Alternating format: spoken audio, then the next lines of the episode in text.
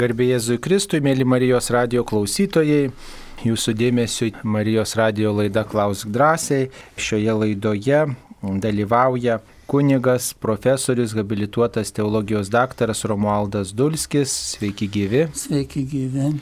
Ir aš kunigas Saulis Bužauskas. Turime keletą klausimų iš praeitos laidos nesuspėjome atsakyti. Klausimas apie tai, e, apie šių laikų aktualijas. Štai dabar atvertos bažnyčios ir juose galima dalyvauti, kai yra švenčiama liturgija ir klausytoja klausia, esu rizikos grupė, iki bažnyčios 3 e, km, kelio sanarys nelabai laiko. Paaiškinkite, kaip su sunkia nuodėmė be pateisinamos priežasties nelankant sekmadienį šventųjų mišių. Nes 20 metų eidavau kiekvieną dieną ir labai nerami sąžinė. Tai kaip kunigė paguostume tokį žmogų? Tai taip, bendra nuostata žinoma gal plačiai, kad žmogus, kuris serga, ar negaluoja, ar yra koks pavojus sunegaluoti rimtas, tai savajame atleidžiamas nuo tos pareigos dalyvauti mišiuose. Ir viskupai dar kartą tai yra pasakę per karantiną, paaiškinę. Ir daug, daug žmonių pakliūna į tą visokį ligoniai, sergantis, kurie, kurie iš viso negali apsilankyti bažnyčioje. Tai čia gal pati prasmė tų, tų mišių, kad mes su Dievu gyventume, naudotis šiandieną tom technologijom, transliacijom galima ir, ir ugdyti tikėjimą. E, mišiaus nėra taip, kad ateit atlikti tik tai, bet kad jos kaip nors mūsų ugdytų. tai mūsų jaunų ir, ir nebe jaunų žmonių visų tas, tas tikslas ugdytis. Tai tikrai visais laikais buvo ta tokia priežastis pakankama turbūt, jeigu žmogus negali dėl sveikatos dalyvauti šventosiuose mišiuose arba dėl, sakykime, oro sąlygų, kai yra labai slidu, kai yra labai blogas oras ir reikia eiti pėsčiomis arba nėra transporto arba žmogus nori, bet, bet nėra tokių tikrai galimybių, realių galimybių, kurias, e, kurias galime tiesiog, e, na, kuriomis galime pasinaudoti ir dalyvauti šventomis mišiuose mišiomis, kai, mišiuose, kai, kai negalime to padaryti, tai ir nebus sunkios nuodėmės. Ir mm, jo labiau dabar, kai yra ta pandemija ir yra grėsmė e, e, žmonių sveikatai, tai mm, ypač tie, kurie yra rizikos grupiai, taigi e, nenusidės ir nebus tikrai sunki nuodėmė, jei jūs nedalyvausite. Tačiau kita vertus galime pasikviesti kunigą į namus. Mes apie tai kalbėjom praeitoj laidoj ir mm, galima pasikviesti kunigą į namus namus, jeigu jūs jau e, eidavo dažnai ir, ir, ir tikrai atlikdavote dažnai išpažinti, paskambinkite parapijos kunigui ir paprašykite, kad e, sutarkite, kuriuo laiku kunigas galėtų jūs aplankyti namuose ir, ir galėsite priimti ir švenčiausiai sakramentą ir atlikti išpažinti ir, ir jeigu reikia ligonių patepimą priimti, ypatingai jeigu jūsų sveikata pablogėjo dėl kažkokių priežasčių.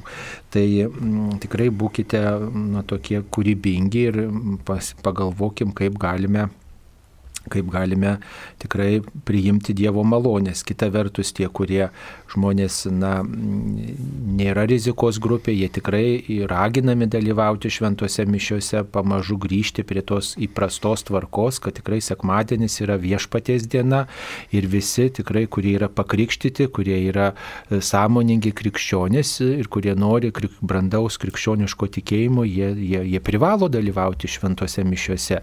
Ir, ir tiesiog pamažu turbūt ir, ir, ir vyresni žmonės pamažu, pamažu tiesiog yra kviečiami e, naudoti apsaugos priemonės, tai galbūt ir pirštinės, ir kaukę susidėti, ir atstumus išlaikyti, kaip dabar e, primena e, valdžios atstovai, kurie rūpinasi sveikatos apsaugą ir visas tas sąlygas išlaikyti ir manau protingas tas sąlygų apmąstymas ir, ir visų tų galimybių panaudojimas tikrai na, mums padės priimti viešpaties malonės, kurios ateina per sakramentus. Mums paskambino. Klausytoja Leokadija iš Vilnius. Taip, Leokadija, klauskite. Aha, garbėsiu Kristui. Per amžius. Jeigu yra nutrūkusi maldinga praktika į devynių mėnesių į valingą mirtį pagal Mariją Lakok. Dėl pandemijos vienas mėno, nu kaip ir iškrenta ta prasme, kad aš buvau prie švenčiausių sakramento, yra tik tais pažintis, bet nebuvo švestas mišios ir nepriimta komunija. Tai vat, nu, vat, kaip mąstyti, vat, kokie čia galimi tokie sprendimai būtų. Kaip kunigė, jūs esate dvasinės teologijos žinovas, kaip patartume? Pirmiausia, gal tarptų visų pamaldžių praktikų tokią esmę matyti, kad mes vis tiek mūsų, kas esmė yra mūsų krikščioniško gyvenimo, galim prašyti tokių malonių, kitokių mirties, nu labai gražu, bet dar labiau prašyti šiandieną, kad gyvenčiau su Dievu. Tai tas mūsų prioritetas turėtų būti. Kaip man dabar va gyventi šiandien, šią valandą, šią dieną ir mm, gyvenam kažkokiu tai būdu. Žinoma, jeigu jau žmogus lanko devynis penktadienius, tai jau aišku, kad yra religiškai angažuotas, daug, daug gražių praktikų atlieka, bet tas akcentas turbūt yra į mūsų dabartinio šiandienio gyvenimo kokybę. Tai čia pirmas dalykas, kuris mums turėtų nurūpėti, būti mūsų dėmesio centre. O mirtis, kaip ir kiti dalykai, kaip toks jau antrailis mūsų tikslas turėtų, turėtų būti išplaukiantis iš to pirmojo. Nes, nes jeigu, jeigu mes gyvensime kokiu tai, nu, tobulesniu gyvenimu, nėra, nėra kokio tai galutinio to tobulumo, bet, bet kiek mes galėsim teisingiau, geriau, geranoriškiau gyventi, tai ir savaime ta mirtis ateis ir nuneš mus ten, kur, kur geriausia mums yra būti. Tai, o dabar tas praleidimas turbūt pagal tas, tas reiškia, nuostatas ten Marijos alakok, tai jeigu kokia rimta priežastis gali ir čia reiktų jos pačios paklausti, bet nu jos nebegalime, tai, tai belieka mum interpretuoti, reiškia, jeigu žmogus Išla... Čia, čia iš tikrųjų tie devyni penktadieniai vėl gal ne taip aritmetiškai, bet tas tam tikras žmogaus nu, pastanga, toks pasišventimas, kad aš vat, einu link Dievo, kad truputį tuos per tuos penktadienius ir, ir ne tik juos atlieku, bet kažkoks tai mano visa būtis priartėja prie Dievo. Tai va tas esminis dalykas. Nu. Bet to jūs e, nebuvo jūsų tokios blogos valios, žinot, e, jūs tikrai norėjote dalyvauti šventose mišiuose, atlikti iš, išpažinti ir tiesiog visas tas sąlygas išpildyti. Ir jūs buvot sutrukdyta tiesiog e, dėl va, tokių susikloščiusių aplinkybių, kaip sakant, nuo jūsų nepriklausančių. Tai e, galime sakyti, jeigu taip net ir aritmetiškai skaičiuoti, kad viešpats papildys ir matydamas jūsų gerą valią suteiks tas malonės, kurios ir žadėtos per, per šių sąlygų išpildymą. Tai tikrai jūs teskite šitą praktiką, teskite ir, ir, ir nesikrimskite, viešpats mato jūsų atvirumą, jūsų pasitikėjimą, jūsų troškimą tikrai pasiruošti, susitikti viešpatį ir ir tikrai jums suteiks na, tą reikalingą tokią pagalbą, kurią, kurią na, jis ir dovanoja per, per šitus tokius šventuosius ir, ir, ir jų tas praktikas, kurios taip gražiai paplitę po visą pasaulį. Tikrai primenu klausytojams, kad Marija Margarita Lakok tikrai turėjo tokius regėjimus ir kvietė kiekvieną pirmą mėnesio penktadienį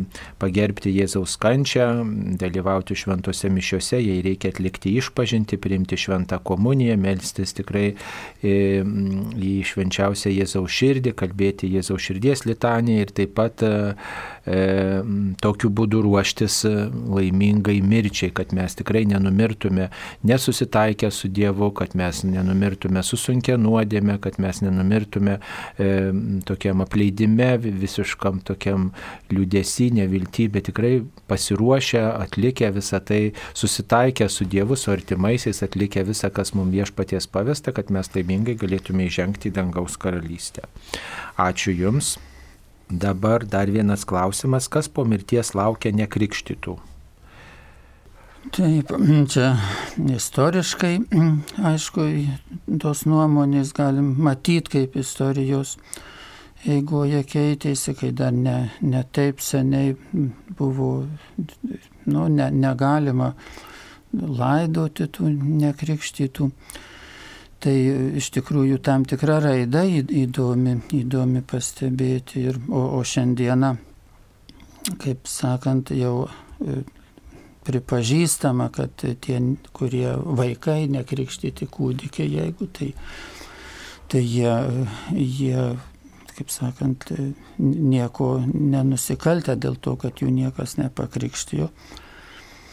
Tai iš tikrųjų čia tokia spekulacija, galim išvedžiot kaip ten, kaip ten tiem, kaip ten aniem, mes nu, nežinom, mes galim manyti, kad va taip ar kitaip, o kurie suaugę nekrikštyti, tai, tai vėl čia dėl įvairių priežasčių, tokios gal dvi kraštutinės, viena, kad nu, žmogui ne, nerūpi vertybės, kurios ateina iš tikėjimo, iš Dievo, žmogus atmeta tas vertybės. Ir, ir, ir tada, nu, reiškia, nueina tokiu pražūties keliu, ką Biblija vadina. O kitas žmogus, kuris, nu, in bona fide, reiškia, jis taip su tokia gera valia gyvena ir galbūt jo aplinka tokia, kad arba ateistai tėvai, arba jis visai kitoj kultūroje, kokioj nors nekrikščioniškoj, tai kur, kur ne, kaip sakant, dauguma žmonių yra nekrikštytų, galbūt ir jie, jie vėlgi jie pasirenka vis tiek gyvenime, kaip e, Karlas Raneris apie tuos anoniminius krikščionis kalbėjo. Tai reikia turbūt žiūrėti, kokias vertybės žmogus išpažįsta gyvenime. Tai jeigu mes norim ką nors taip tarsi turėti tam tikrą supratimą, kas, kas laukia nepakrikštytų. O kas laukia pakrikštytų? Pak, pakrikštyjimas nėra automatinis bilietas į, į laimingą amžinybę ar į, į šventumą šiame gyvenime, bet jis yra, nu, sakytume, apsisprendimas būti Kristaus mokiniu. Tai Kristus sakė, eikite ir mokykite ir tada krikštykite. Tai tas neatsiejami dalykai mūsų noras e, stoti į mokinystės kelią. Į mokinystės, kurią moko Dievas, moko vertybės, kokias, e, reiškia, kokias mes vertybės iš tikrųjų išpažįstame yra toks išpažinimas, kad aš tikiu Kristų, taip jis labai man patogus, bet aš noriu būti korumpuotas ir esu korumpuotas ir vadovaujuosi korupcijos, nu, įvairiais, sakykime, aspektais savo gyvenime. Ir tikiuosi, kad Dievas man atleis ir toliau taip gyvenu, tai reiktų klausti, kur, kur toks žmogus, kuris ruošia savo kelią nuveiti, nes jis yra susidvėjinęs, dvilypis. Absoliučiai. O, o kitas, jeigu jis gali ir nekrikštytas dėl kokių priežasčių, bet jeigu jis atmeta, pavyzdžiui, korup, nu, korupcinius santykius, korupcinį gyvenimą ir nori gyventi skaidriai ir taip gyvena, tai jis gal netiki Dievo taip, kaip mes norėtume, bet jis tiki dieviškasias vertybės, dieviškasias darybės tik ir jų laikosi. Tai dalykas turbūt yra pakankamai nu, ne vienareikšmiškai vertintinas.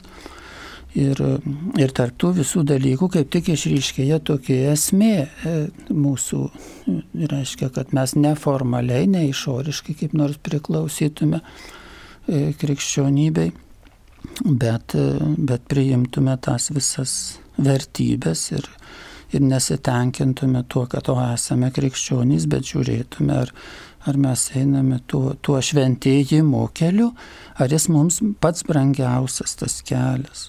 Ir kitus žmonės pagal tai vertintume, nesakytume, o čia krikščionis, čia tas pakrikštytas, anas nepakrikštytas, bet, bet žiūrėti, kokia jo gyvenimo, kokios nuostatos pamatinės, kuo jis vadovaujasi, ar jį kuo vadovaujasi žmogus, ar yra geranoriškas, ar yra sąžiningas. Ir, Ir ar, ar taip pat, na, aišku, tas matymas metafizinių dalykų ant, gamtin, ant gamtinė perspektyva, tai labai žmogų be abejo, kad atveria tokią panoramą ir platesnę sampratą ir šio gyvenimo.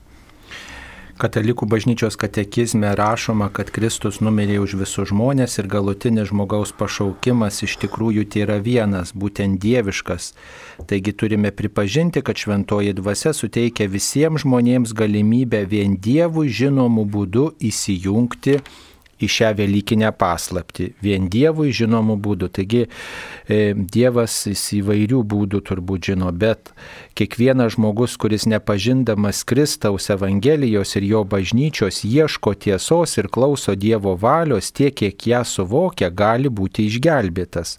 Galima manyti, kad tokie žmonės aiškiai trokštų krikšto, jei tik žinotų, kad jis yra būtinas.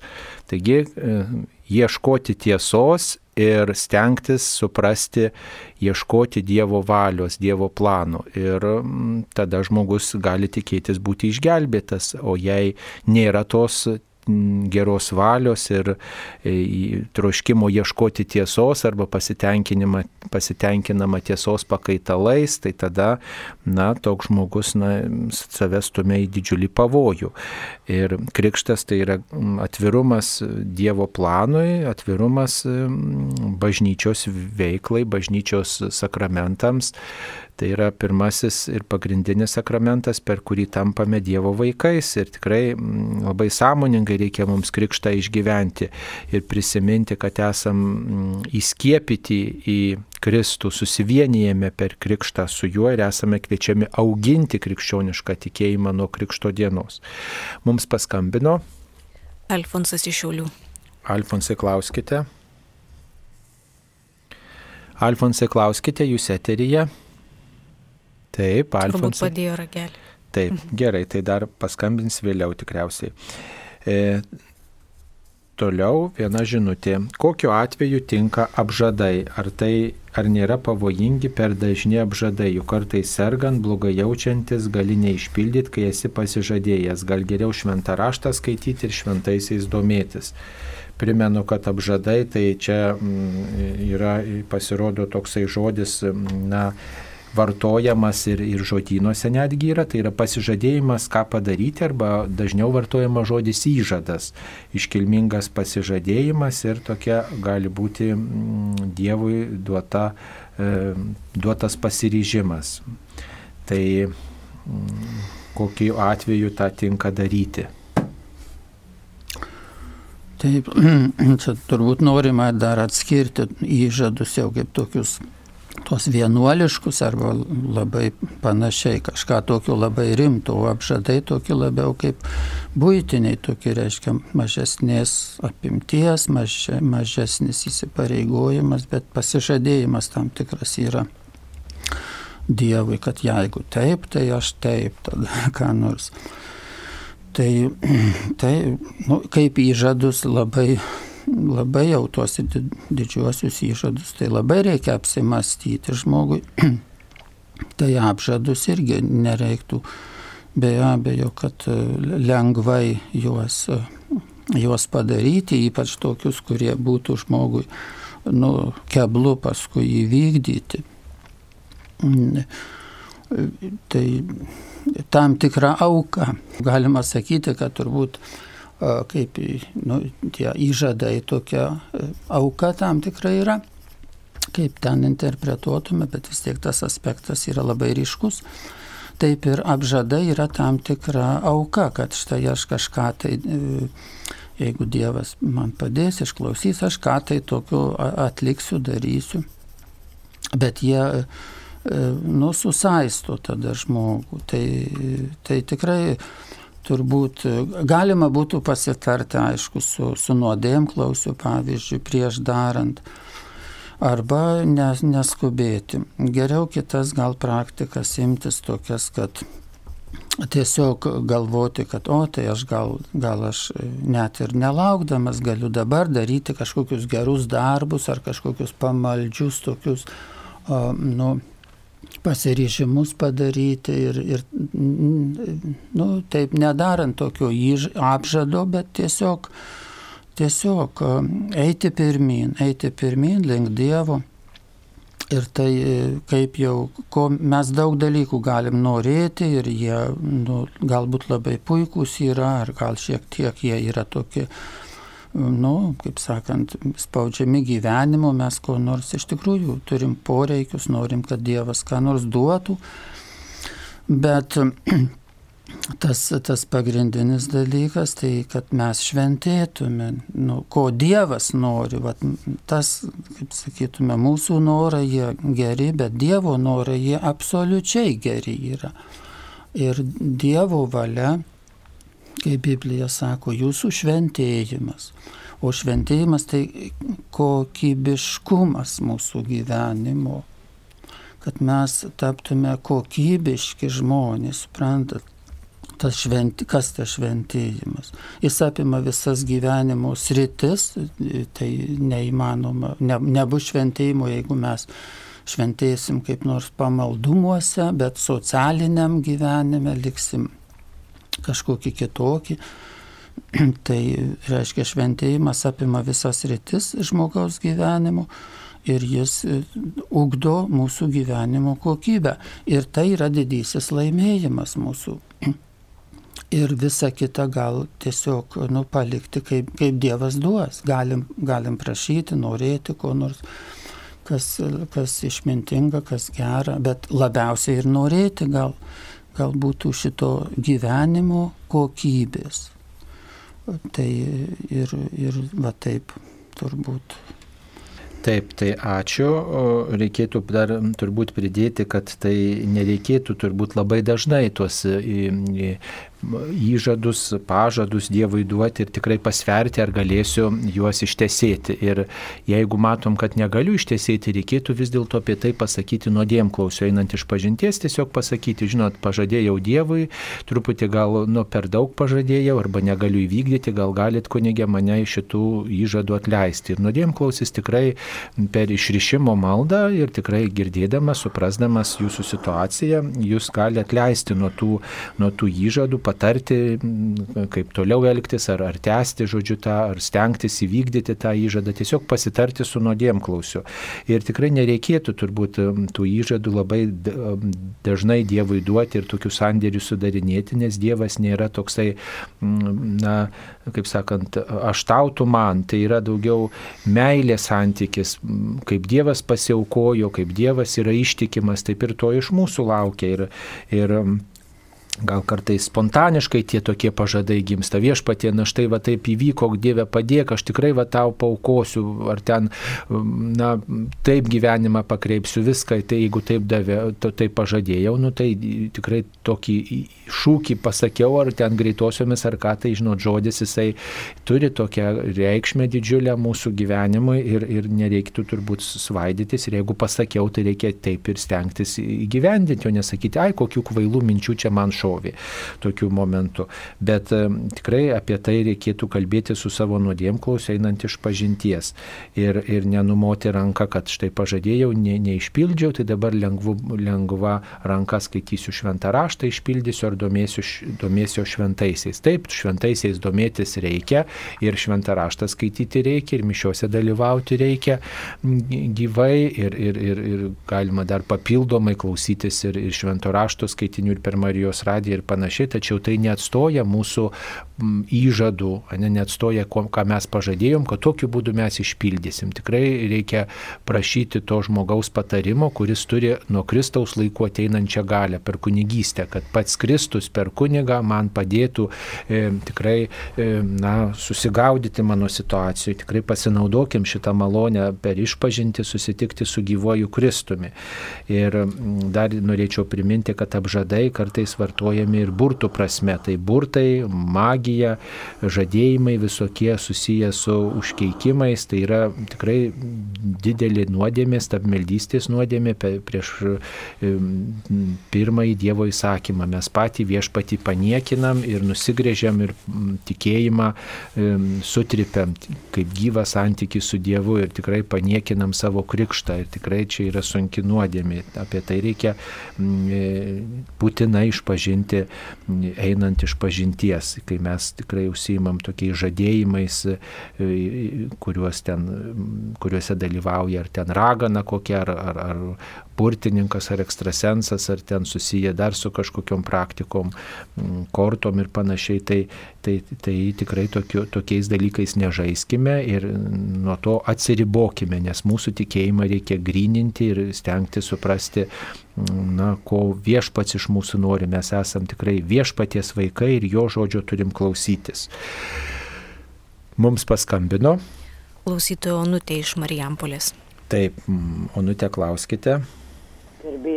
Per amžius. Turiu tokių svarbių klausimų. Taip. Mano knygutės nuo tokios atrodo gerų. Dabar malda, ką jie atstos, reiškia ražančius visur kalbama, visur, visur visi. Malda kurbenų ašarų Dievo motinos. Ir kokie žodžiai. Ir reiškia nesisako tėvė mūsų, bet tik tai žodis vietoj tė, tėvė mūsų, Jėzau pažvelk į kurbenų ašarų tas, kurios čia žemėje tave labiausiai mylėjo, o dabar nuoširdžiai tave myli danguje. Tai vietoj tėvė mūsų sako. Viena kartą, o paskui dešimt kartų, kaip kalbant ražančių, jau sveika Marijos vietoj. O Jėzau išklausyk mūsų prašymus dėl kruvinų tavo švenčiausios motinos ašarų. Ir paskui labai gražų žodžiai parašyta. Tai kaip vertinga šita malda. Taip, kaip vertinga e, malda krūvinų ašarų rožinės. Čia, na, apie šitą maldą turbūt mažai labai mes žinome, čia turbūt e, gal susijęs su kažkokiu šventuoju e, ar šventaja, kuri, kuri praktikavo tą maldą ar turėjo kokį privatų apreiškimą. Ir bažnyčia nėra išsitarusi nieko tokio oficialiai apie šitos maldos naudą ar žalą. Tai ne, ji ne, turbūt nepakeičia rožinio maldos, kuri yra probuota bažnyčios ir kuri m, tikrai susijusi su didžiai šventaisiais ir kurios vaisiai tikrai yra dideli, tai labai patartume tikrai m, taip atsargiai ir nuosaikiai m, vartoti maldas, kurių bažnyčia nėra patvirtinus, apie kurias yra nedaug informacijos. Jeigu jūs, jums dvasiškai tai naudinga, jūs tikrai patirėte Dievo artumą, paskatintas atmylėti viešpati, tai tada tai tada ta malda tikriausiai jums naudinga yra, va, bet ją platinti kažkaip per daug nereikėtų, nes nu, vis tiek bet kokiai maldai, tokiam platinimui dideliam reikėtų bažnyčios atstovų, taip sakant, įgaliotų atstovų tam tikro palaiminimo, probacijos, kad ta malda tikrai naudinga. Aišku, čia turbūt susijus yra su sopulingosios mergelės Marijos kultu, reiškia, ir yra septyni Marijos skausmai, kuriuos jį patyrė, va, turbūt susijusi su ta tradicija, reiškia, apmastyti, kad Marija pergyveno kaip motina, kaip krikščionė, kaip Kristaus sekėja, pergyveno dėl e, Jėzaus, pergyveno dėl Jėzaus sekėjų likimo, gyvenimo, dalios, dėl, dėl žmonijos nuodėmių ir tiesiog, na, jinai solidari yra, va štai, tai ir apmastyti, kad štai Marija taip pat išgyvena ir, ir žinom, kad įvairių tokių ženklų yra, kad Marijos ašaros ir, ir ir kad Marija verkė ir tos ašaros randamos ant kai kurių statulų. Tai yra tas toks pamaldumas, bet labai prie to ryštis tikrai ir labai atsargiai, kad mes nepadarytume savo tikėjimo tokiu sentimentaliu, kuris tik, tik nuo prieiškimų priklauso, tik tai nuo, nuo mergelės Marijos reakcijos, ten pasirodė ašaros gerai ar ten blogai, nepasirodė vėl kažkaip.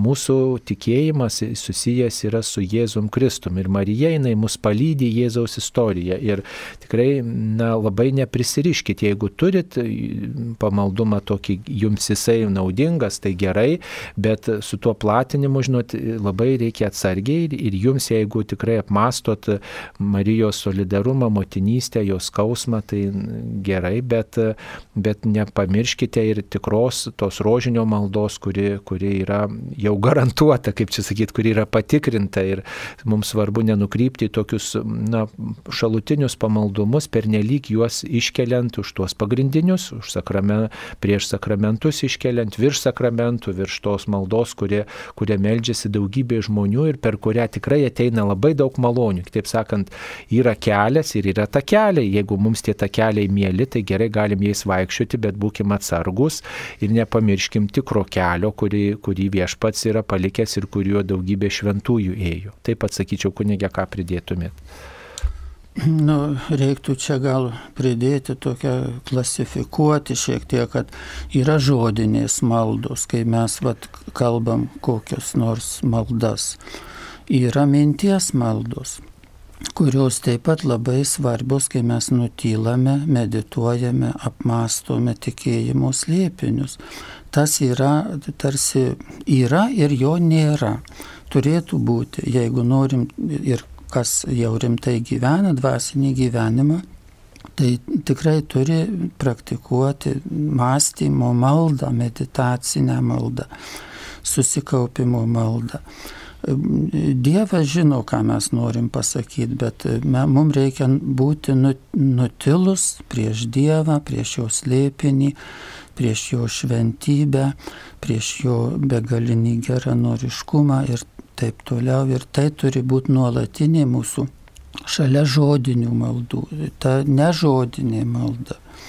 O, o kita, kitas, aišku, liturgija, dalyvavimas liturgijose ir dar mūsų toks reiškia nuolatinis buvimas su Dievu, kai mes negalim visą laiką kalbėti maldas, negalim būti panirę į meditaciją, bet tiesiog einam gatvę, tiesiog einam į darbą, dirbam ten 8 valandas, ar namuose ką, nor, ką nors ten e, dirbinėjame. Ir tada irgi yra ir krikščioniškai, ir taip universaliai žiūrint, tai yra taip pat laikas mums būti su Dievu ir praktikuoti tokią viso kasdienio gyvenimo, kiekvieno momento maldą kuri neišsako, gali būti išreikšta žodžiais, mintyse ir gali būti neišreikšta nei, nei garsiniais žodžiais, nei mintyse ištariamais žodžiais, bet bet, kaip sakytume, klausiant, kur tavo širdis, ar jie su Dievu. Kai, tai, ir tai maldą nereiktų taip suvest, kad ko, ką tu kalbi. Kal, tai tik viena mūsų dalis, o kitos vat, mūsų maldos gyvenimo dalys. Taip mums paskambino. Klausytojas Alfonsas iš Šiaulių. Taip, Alfonsai, klauskite garbėsiu Kristui. Per amžius. Kartais pokalbiuose, ne diskusijose religinėse iškyla štai toks klausimas. Valstybės, norėdamos, kad jų viduje būtų ramybė, samprata, pasirašo rašytinę konstituciją ir jos visi laikosi. Kodėl Kristus pasielgė priešingai? A ką jis nemokėjo rašyti? Oho, oho už visus rašytojus būtų geriausias. Bet kodėl jis nepaliko rašytinio savo paveldo, konstitucijos, o viską paliko nemokytiem, kaip sako, tik žodinį paveldą. Ir kas prasidėjo, to jau pa, po, pas povilos e, krikščionis prasidėjo nesutarimai ir prasidėjo sektos ir vėl karai net ir iki šių dienų tęsis nesusikalbėjim. Taip, supratom. Ar jis to nežinojo? Ar jis to Supratom, supratom. Ačiū, ačiū. Kodėl Kristus nepaliko rašytinės konstitucijos? Taip yra mm, papra, paprastas faktas, mums patinka jis ar ne, kad Jėzaus mokymas nėra susistemintas. E, Tai yra tokios išvalgos, galėtume sakyti, nuotrupos, pasisakymai, e, spontaniški arba reaguojant į ką nors, arba tiesiog norint ką nors pasakyti. Ir, ir, ir tai nėra, nėra sistema. E, Sistema iš to buvo sudaryta vėlesniais amžiais ir ji taip pat e, tolydžio palaipsniui buvo sudaroma, plečiama, didinama. Po to įvyko įvairių tos sistemos sąstingių. Tai e, ko gero, kodėl reiškia, kodėl Jėzus taip nepadarė? Nu, mums reiktų, e, reiškia, klausti mes galim pasipiktinę, reiškia, o tai kodėl jis taip nepadarė, reikėjo va tai padaryti. Arba galime klausti, nu viešpatė iš tikrųjų, kodėl, E, kodėl, kaip vaikai klausia, jie nepasipiktina, bet jie taip iš tikrųjų nori sužinoti. Tai va dėl ko ir mes galim paprasčiausiai sakyti, nu mes nežinome, čia Dievo slėpiniai. Bet jeigu norim bandyti sužinoti, tai galbūt šitas nesusistemintas Jėzaus e, toks mokymas, jis yra, reiškia, jis yra daug stipresnis, daug labiau pamatinis yra e, negu bet kokia sistema, kuri vėliau atsiranda. E, Kiekviena sistema ji turi, aišku, konstituciją, sakysim, Nu, čia nelabai tas, gal palyginti, viską galima, bet taip absoliučiai lygintai skirtingi dalykai vis dėlto būtų. E, re- Religinio mokymo sistema ir valstybinė konstitucija yra, e, bažnyčia turi savo, sakytume, kanonų teisę, kuri tarsi gal panaši į konstituciją. Tai ji nuolatos peržiūrima, ta kanonų teisė ir konstitucijos peržiūrimos ir jos, jos tobulinamos ir, sakykime, po tūkstančio metų, jeigu imtume kokį didesnį atstumą, tai be abejo, kad bus daug, daug, daug dar pokyčių ir patobulintų konstitucijų. Ir, ir ko gero, kad patys reiškia, nu, kaip atrodo Viktoras Franklis tiksliai ir įdomiai yra pastebėjęs, sako, žiūrėkit, kai mes norim nusipirkti kokį, žinai, nušaldytuvą, pavyzdžiui, tai mes skaičiuojam, žiūrim, galvojam, einam į vieną parduotuvę, ta nepatinka į kitą. Bet kai mes, sako, renkamės vyrą ar žmoną, jau, jauni vaikinas ar mergina, tai kažkaip įvyksta spontaniškai, kažkoks pojūtis yra arba, pavyzdžiui, eiti ir numirti už savo tėvynę, karas koks nors. Irgi tas įvyksta spontaniškai. Priešas užpuolė, net diskusijos nėra, net skaičiavimo nėra. Tai kokia tikimybė dabar, kad aš nužūsiu ar aš nežūsiu. Vyrai sako, norim ginti tėvynę. Ir reiškia, jisai tą pastebėjęs, tas žymusis psichiatras ir išminčius tam tikrą prasme sakytume, kad esminiai dalykai, jie, jie kažkaip paradoksaliai yra, nu taip spontaniškai nusprendžiami.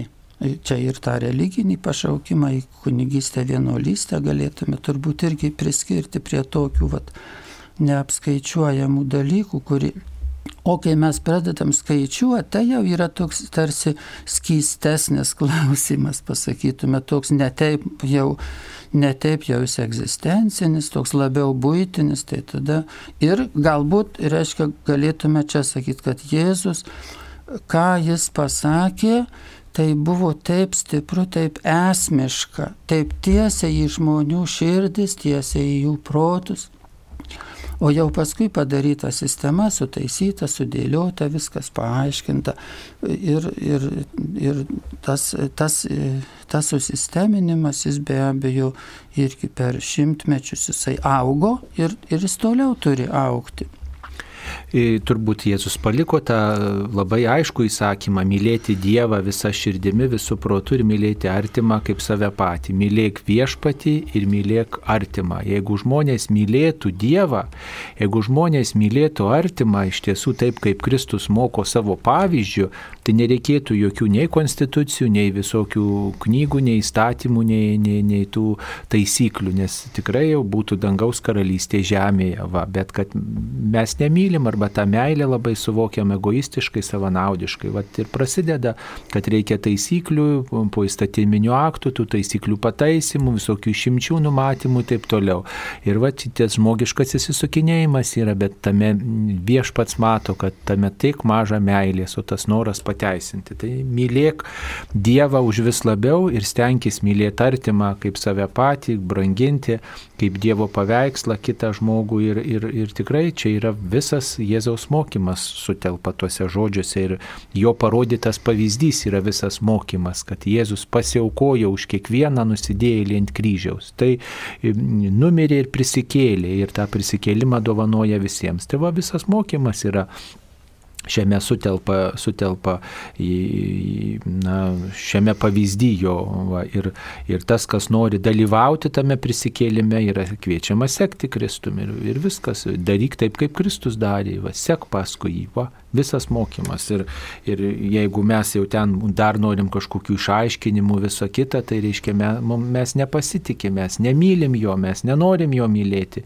Ir, ir tada prasideda visos tos nesibaigiančios interpretacijos ir, ir, ir tų taisyklių poreikis, kai trūksta meilės Dievui ir artimui.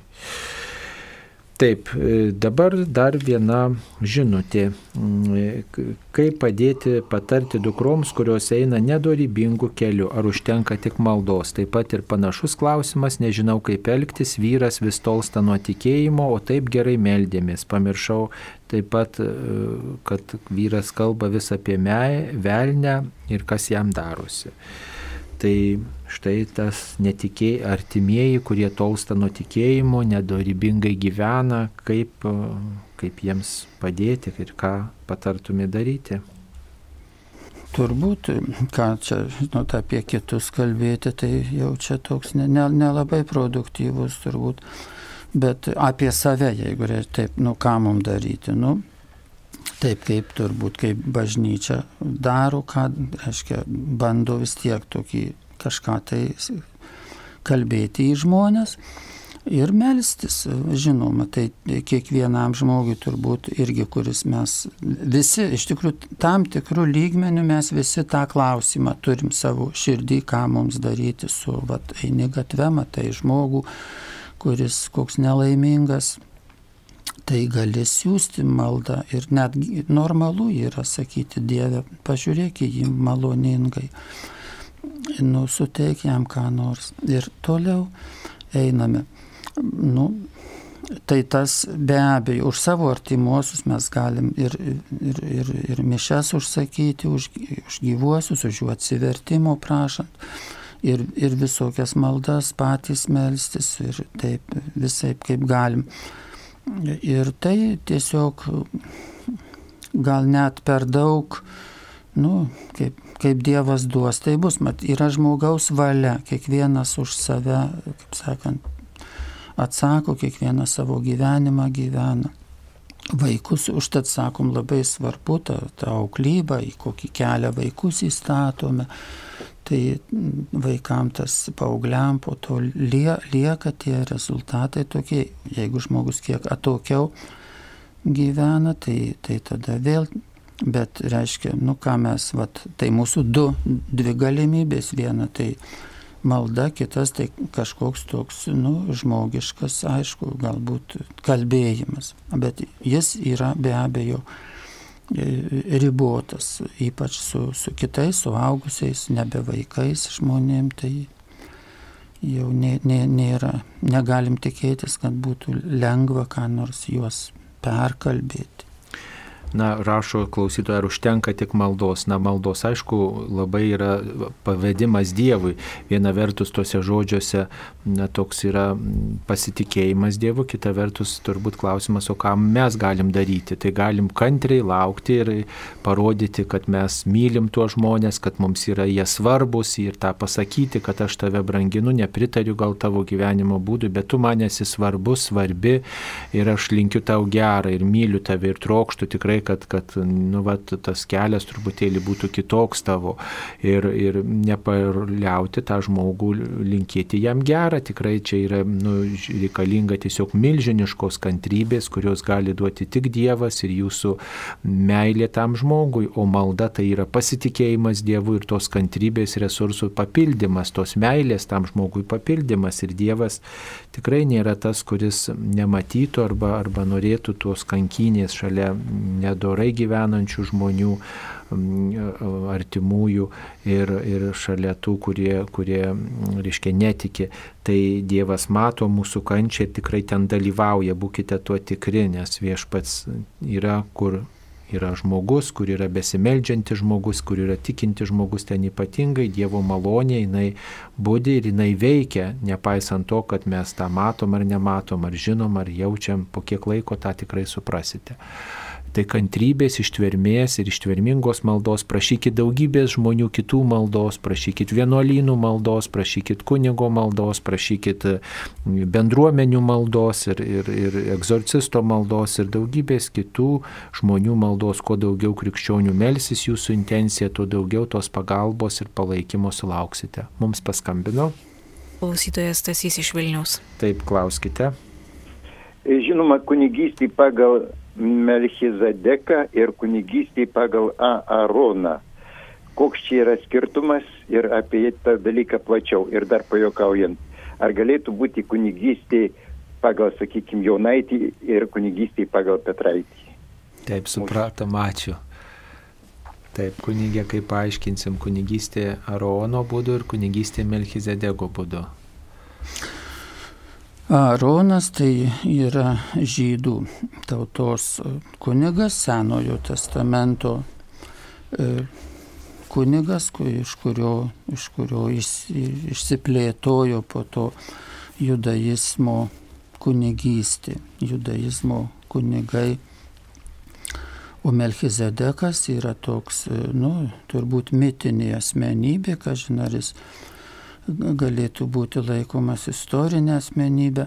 Galbūt, nežinome, tur, gal galutinai, kaip, kaip norim, galim galvoti.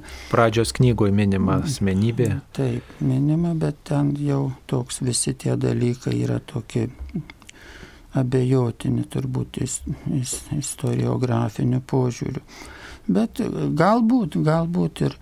Bet esmė reiškia tokia būtų, kad jisai nežinia tarsi taip iš kur jisai aukščiausiojo Dievo kunigas pasakyta, bet jis neturi nei pradžios, nei pabaigos, toks, toks ir, ir tam tikra aluzija į, į Kristų daroma, kad Kristus yra kaip tas Melchizedekas toks, nes jis nėra jau Aarono linijoje, turbūt ta prasme. Jėzus atėjo ir jis nebuvo žydų kunigas, bet toks pasaulietis, taip sakytume, buvo. Tai ir jis toks kaip Melchizedekas atsirado Kristus ir jis savo atnešė savo gyvenimu naująją kunigystę. O į kunigystę pagal Jonaitį ir Petraitį. Tai žinoma, kad jie yra kaip visuotinė tikinčiųjų kunigystė, suvokiama ir, ir tas ypatingai nuo Martino Liuterio išsiplėtė tą sampratą ir dabar ir katalikai labai tą dažnai atsimena, kad visi pakrikštytieji yra dalyviai Kristaus kunigystės ar Dievo kunigystės. Jūs esate taip pat toje kunigystėje ir e, reiškia visi, visi, visi žmonės, nu, čia tokia ji gerai reikia suprasti, taip išmintingai. Ir, ir tą hierarchinę kunigystę, kur įprasta sakyti kunigas, irgi mes per nelik dažnai taip sutrafaretinam, nu tai tas, kur eina prie altoriaus ir tas, kur eina į klausyklą, tai va tas kunigas. Bet Jėzus yra pavyzdys kunigo. Ir Jėzus yra nu, labai mažai ką atlikęs tokio specifiškai kunigiško, kaip mes įsivaizduojam. Bet jis turėjo nu, santykį su, su Dievu ir rūpinosi savęs, sakytume, mūsų atveju tai mums tiktų savęs pašventinimu rūpintis, suvokiant tą visuotinę tikinčiųjų kunigystę, nes matom tokį pavyzdį Jėzaus, kad jis gyveno vienybėje su tėvu. Ir, ir tai yra esminis gal ir sakramentinės kunigystės, ir bendrosios tikinčiųjų kunigystės bruožas gyventi vienybėje su dangiškuoju tėvu, jam į jį atsižvelgti, į tas vertybės atsižvelgti, jas ne tik atsižvelgti, bet jomis persmelkti visą savo protą, visą savo būtį, visą savo širdį, visą savo siekius, ko mes trokštame, ko siekiame visą kasdienybę. Mąstyti apie tai, kaip Biblija sako, dieną ir naktį, atsikeliant ir atsigulant mąstyti nu, kad ir, ir žemiškus dalykus mąstyti, bet tikėjimo šviesoje. Tai va, būkime visuotiniai kunigai ir, ir pasinaudokime nu, tą Kristaus atneštą paradigminę kunigystę, kad nesu, nesusiaurintume, nesumenkintume nei kunig, požiūrio į kunigystę, nei požiūrio į į žmogų, kas yra žmogus. Na, taip pat laiškė žydams yra kalbama apie Melkizedegą. E, jeigu norite, galite paskaityti laišką žydams, septintas skyrius. Mm, e, ir mm, čia tiesiog išsamei, galima sakyti, paaiškinta tas e, skirtumas Melkizedegas ir taip pat mm, na, ta, ta jungtis, gal ne tiek skirtumas jungtis, ko panašus Kristus į kunigą Melkizedegą. Ir taip pat e, yra pabrėžta, kad e, tam tikrą prasme neminint kunigo Arono, bet 15 e, skyriuje aišku, kad Melkizedegas yra kunigas, kuris kunigystę turėjo ne kūniško įstatymo teise, bet nenykstamo gyvenimo galybė. Nu, kitaip sakant, Dievo malonė tokia, Dievo išrinkimas, Dievo pašaukimas, kuo remiasi ir taip pat Naujojo testamento kunigystė. Štai apaštalai buvo pašaukti, jie nebuvo paveldėtojai kūniško įstatymo teise, nes Aronas iš kunigų giminės buvo viena giminė ryškia pašvesta tarnystė. Tai mm, kunigas, panašu, kunigas panašus į Melkizedegą, tapęs kunigu ne kūniško įstatymo teise, bet nenykstamo gyvenimo galybę. Va, tai tokiu būdu norima pabrėžti tą, tą, tas ne, ne įstatymo tas pirmumas, bet malonės pirmumas, kad, tas, kad štai Kristus pašauktas būti kunigu ne dėl to, kad yra, taip sakant, paveldėtojas įstatymo numatyta tvarka, bet dėl to, kad tokia Dievo malonė yra, štai jis tapo na, tuo kunigu per malonę ir tuo pačiu va, ta kunigystės linija, kuri tęsiama iki mūsų laikų, tai yra ta na, malonės teologinė prasme tęsiama ir, ir ta malonė suteikiama tiems, kurie nėra kažkokie giminaičiai ar, ar ten paveldėtojai teisinė prasme, bet tie, kurie, kuriuos Dievas išrenka. Va. Tai, Tai toks būtų skirtumas, o ta visuotinė kunigystė, tai kad kiekvienas gali dalyvauti per nuo, nuo savo krikšto dienos, per tą krikšto malonę, reiškia Kristaus kunigystėje, nuoširdžiai melzdamasis ir aukodamas visus sunkumus, visą tai Dievui. Mes kiekvieną dieną kalbam paukojimo, dienos paukojimo maldą, tai galima sakyti, tokiu būdu tą visuotinės kunigystės idėją įgyvendinam, kai melžiamės ir kai aukojam džiaugsmus ir sunkumus Dievui kaip auką, kaip gyvenimo dalį Tai tokiu būdu kviečiam viešpatį savo gyvenimą ir, ir jam visą paskiriame. Taip, tai dar apie komunijos prieimimą. Jėzus per paskutinę vakarienę nedėjo duonos mokiniams į burną. Kaip uh, uh, argumentuojama šis būdas? Taip pat panašus dalykas apie komunijos prieimimą, kad štai ir bažnyčioje dabar uh, jau mm, galima priimti šventąją komuniją. E, gatvėje be kaukio, kai bažnyčioje su kaukėmis, kaip šventoji komunija jau galima priimti pagarbiai ant liežuvio, kaip ir buvo anksčiau. Kaip atsakytume į šiuos klausimus? Taip, turbūt paskutinės vakarienės metu būtų buvę labai keista, jeigu Jėzus būtų kaip kūdikiams dalinęs, ne, nesugebantiems paimti duonos savarankiškai reiktų taip ne, neperšokti tą, tą istorinį laiką. Tai ir dabar mūsų, mūsų laikais, tai čia, sakykime, kokioje Vokietijoje tas dalinimas į rankas jis labai, labai populiarus ir labai paplitęs. Ir kitose šalyse pas, pas mus kažkodėl tai buvo, kad būtinai į burną, toks tarsi jaučia, nu, iš tikrųjų turbūt reiktų laisvai palikti, net ne, nesant, nesant tai koron, koronos problemai. Kažkaip, kad ne, ne taip čia svarbu, ar, ar kunigas įdeda, nu čia atseit, kai ne, nebuvo e, virusų, tai toks gal buvo hygieniškesnis net dalykas, nes žmonių rankos tiesiog ne visada būdavo švarios. Ir, ir toks e, ką žinai, ar čia su pagarbumu susiję. Čia daugiau gal mūsų protė tas pagarbumas, kad jeigu įdės ant liežuvio, tai bus pagarbiau, o jeigu įdės į ranką, tai lik nepagarbu, kad aš pats paimsiu su ranka.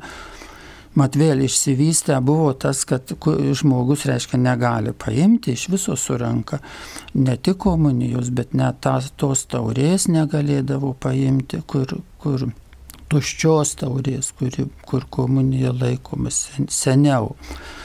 Ir tai čia šiandieną reiktų vėl, sakysim, tas gyvenimas vystosi ir, ir, ir toks suvokimas ateina, kad, kad iš tikrųjų lygiai, lygiai pagarbu yra, ar, ar žmogus su rankom priima. O, o šiuo metu tai tas, prie, tas epidemijos metu, tai aišku, kad tai dėl, dėl saugumo, dėl tokio, kad dėti į burną su kunigu ir aiškia, tai ant jo pirštų tada didesnė tikimybė, kad atsiras virusai ir jis tuos virusus dėlios tada visiems į burną. O dedant į ranką jau, jau tas išvengiama to, tos, tos problemos. Bet to virusas plinta per kvėpavimą, tai tiesiog, kai žmogus ištiesia ranką, tarsi ir atstumas didesnis yra vat, nuo kunigo e, ir tas užkrėtimo pavojus tarsi toks atitolina, atitolinamas yra. Tai viskupai kol kas na, kviečia priimti į ranką pagarbiai, primenam, kad pri, priimam komuniją tokiu būdu ištiesiam kairę ranką e, ir tada po ją padedam dešinę ranką, kunigas padeda komuniją į kairę ranką, tada mes dešinės rankos pirštais kunigo akivaizdoj paimame šventąją komuniją ir įdedame savo į burną. O taip Tai e, tokiu būdu priimame šventąją komuniją. Tai pasaulyje šitas būdas įprastas ir, ir, ir pas mus štai šiuo metu jis, jis yra taikomas. Vėliau galbūt bus grįžta ir prie to būdo priimti šventą komuniją į burną tiesiai.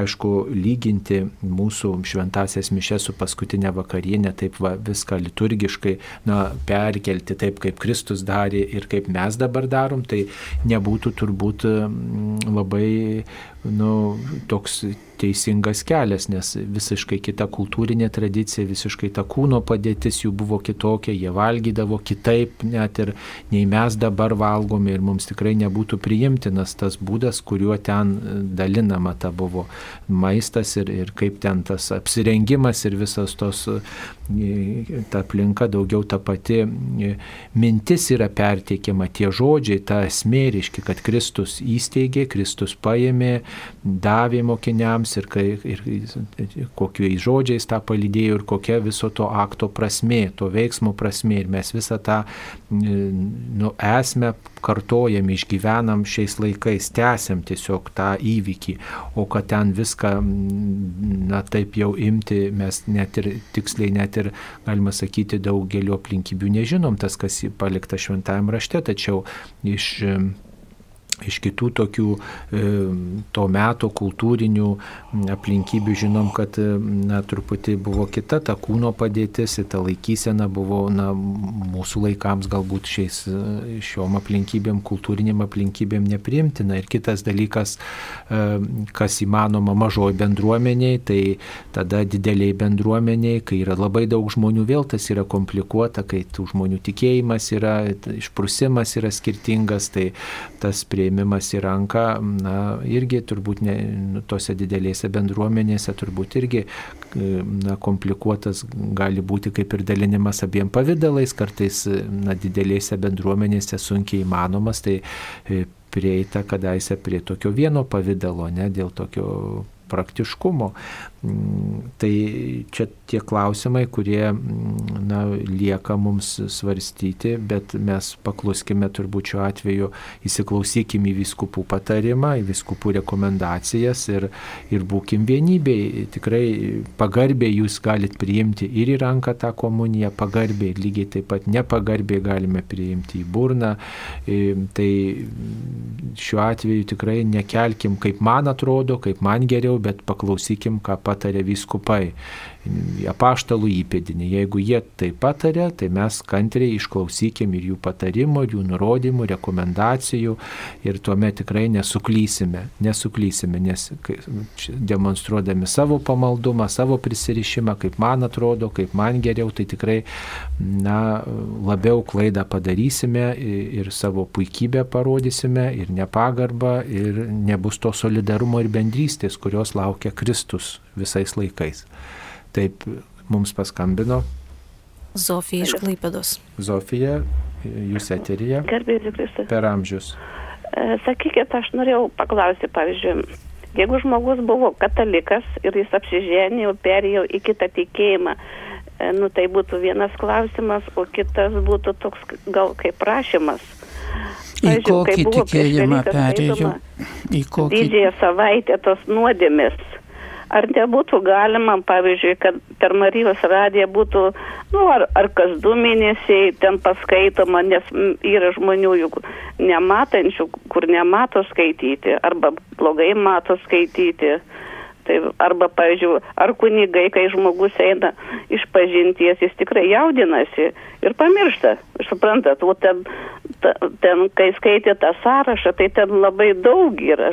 Nu, žmogus vis tiek jaudinasi, jis pamiršta ir ne viską pasako, tikrai ne viską, nu, žmonės pasako, eidami iš pažinties. Nu, vis tiek yra toks, nu, nerimas, jaudinimas, kai eini iš pažinties.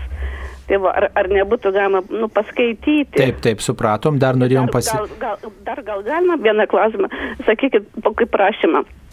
Pavyzdžiui, ar, ne, ar ne, nu, neatsirastų savanorių ten šitą, ar, ar, ar vienuolių, kad susitartų, pavyzdžiui, Saklųjų sąjungos garso įrašų, kad įskaitytų, pavyzdžiui, ten tą naująjį maldinėlį, nes mes tikrai labai mažai turim medžiagos apie katalikų, nu, tas, nei, nei tų litanijų turim daug, negalim, nei tų, nu, žodžiu, labai ribotas yra, labai ribotai. Mm, taip, tai jūsų, jūsų tikrai pasiūlymas yra, yra vertas dėmesio. Čia primenu klausytojams, kad didįjį šeštadienį, kai žmonės negalėjo, mm, negalėjo atlikti išpažinties, štai dėl, dėl tos pandemijos, mes e, Marijos radijoje turėjome tokias mm, radijos susitaikymo pamaldas, štai buvo sąžinės apžvalgėlė padaryta ir, ir malda skaitėm ir tokia vat, bendra atgailos nuotaika išgyvenom, e, tokiu būdu žadinom tobulą gailestį ir apie tą tobulo gailesčio temą buvo svarstoma, tai prieš Velykas tokias sąlygas bandėm sudaryti, kad žmonės kuo geriau savo širdie pasiruoštų Kristaus prisikėlimo įvykiui. Tai tikrai sąžinės apžvalgą galėsime dažniau paskaityti per Marijos radiją, pavyzdžiui, penktadienį, tokią, tokią dieną, kai tokia atgailos diena ir kuri skirta apmastyti Jėzaus Kristaus kančio, kančiai. E, dėl maldyno akliesiems, tai turbūt, na, čia reikėtų svarstyti, na, pasiūlymas tikrai vertas dėmesio ir įskaityti galima ir tik tai tam reikėtų turbūt, na, ieškoti savanorių, aišku, ir, ir tų žmonių, kurie skirtų laiką ir, ir išteklius vat, visam šitam darbui. Tai pasiūlymas vertas dėmesio. O dėl to pereimo į kitą tikėjimą šeimoje, tai ką galėtume pasakyti, jei žmogus šeimo perėjo štai kitą tikėjimą.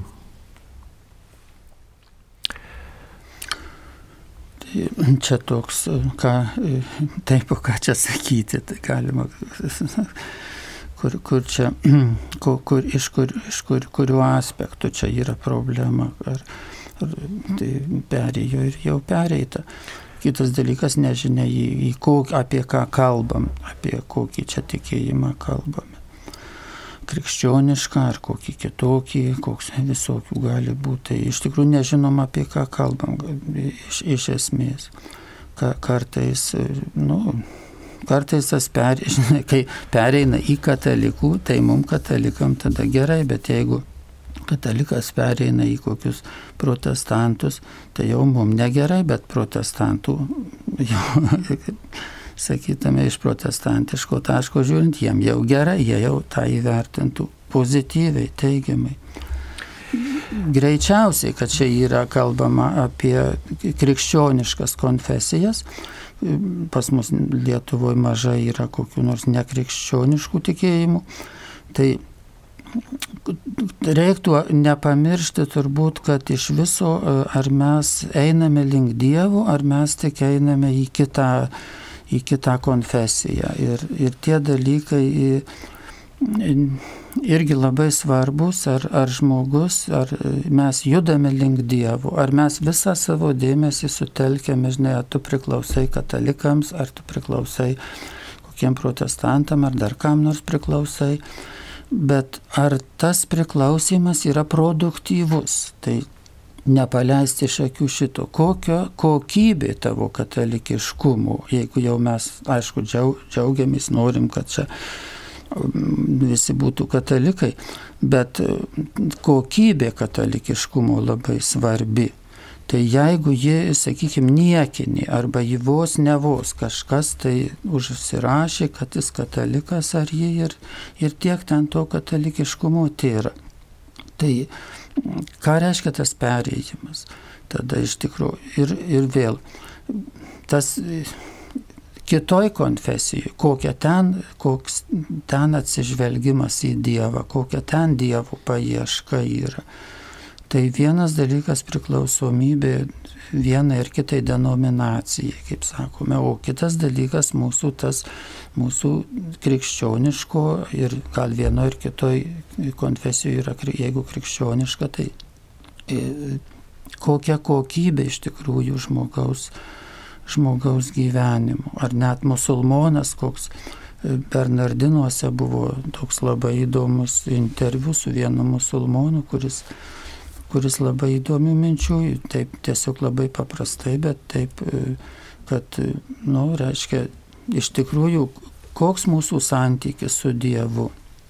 Ir ar, ar mes turim taip sureikšmintą atsivertimą į vieną ar kitą konfesiją? Ir, ir tarsi, tarsi tuo problema išsisprendžia. Jeigu kas ateina į katalikybę, o tai valio, čia viskas išsisprendė. Nie, niekas neįsisprendė. Svarbu, kokia bus tavo katalikiškumo kokybė. Ar tu visą galvą mylėsi Dievą, visą galvą būsi paniręs į tai, ką, ką sako Dievas, ką jis moko, ar tau bus, žinai, kaip nuo žąsies vanduo. Tai, tai iš tikrųjų, aišku, ir, ir, ir tie formalūs dalykai priklauso, priklausimas tam ar kitam turi savo reikšmę. Bet e, aš norėčiau akcentuoti ypač šiandieniam gyvenime, kada mes jau nu, toks suvokimas yra atsiradęs visuomenėje. Žiūrėkit, mes nebūtinai balsuojam už tą, kuris yra katalikas, ar ne per rinkimus, bet sakom, ar jis sąžiningas žmogus.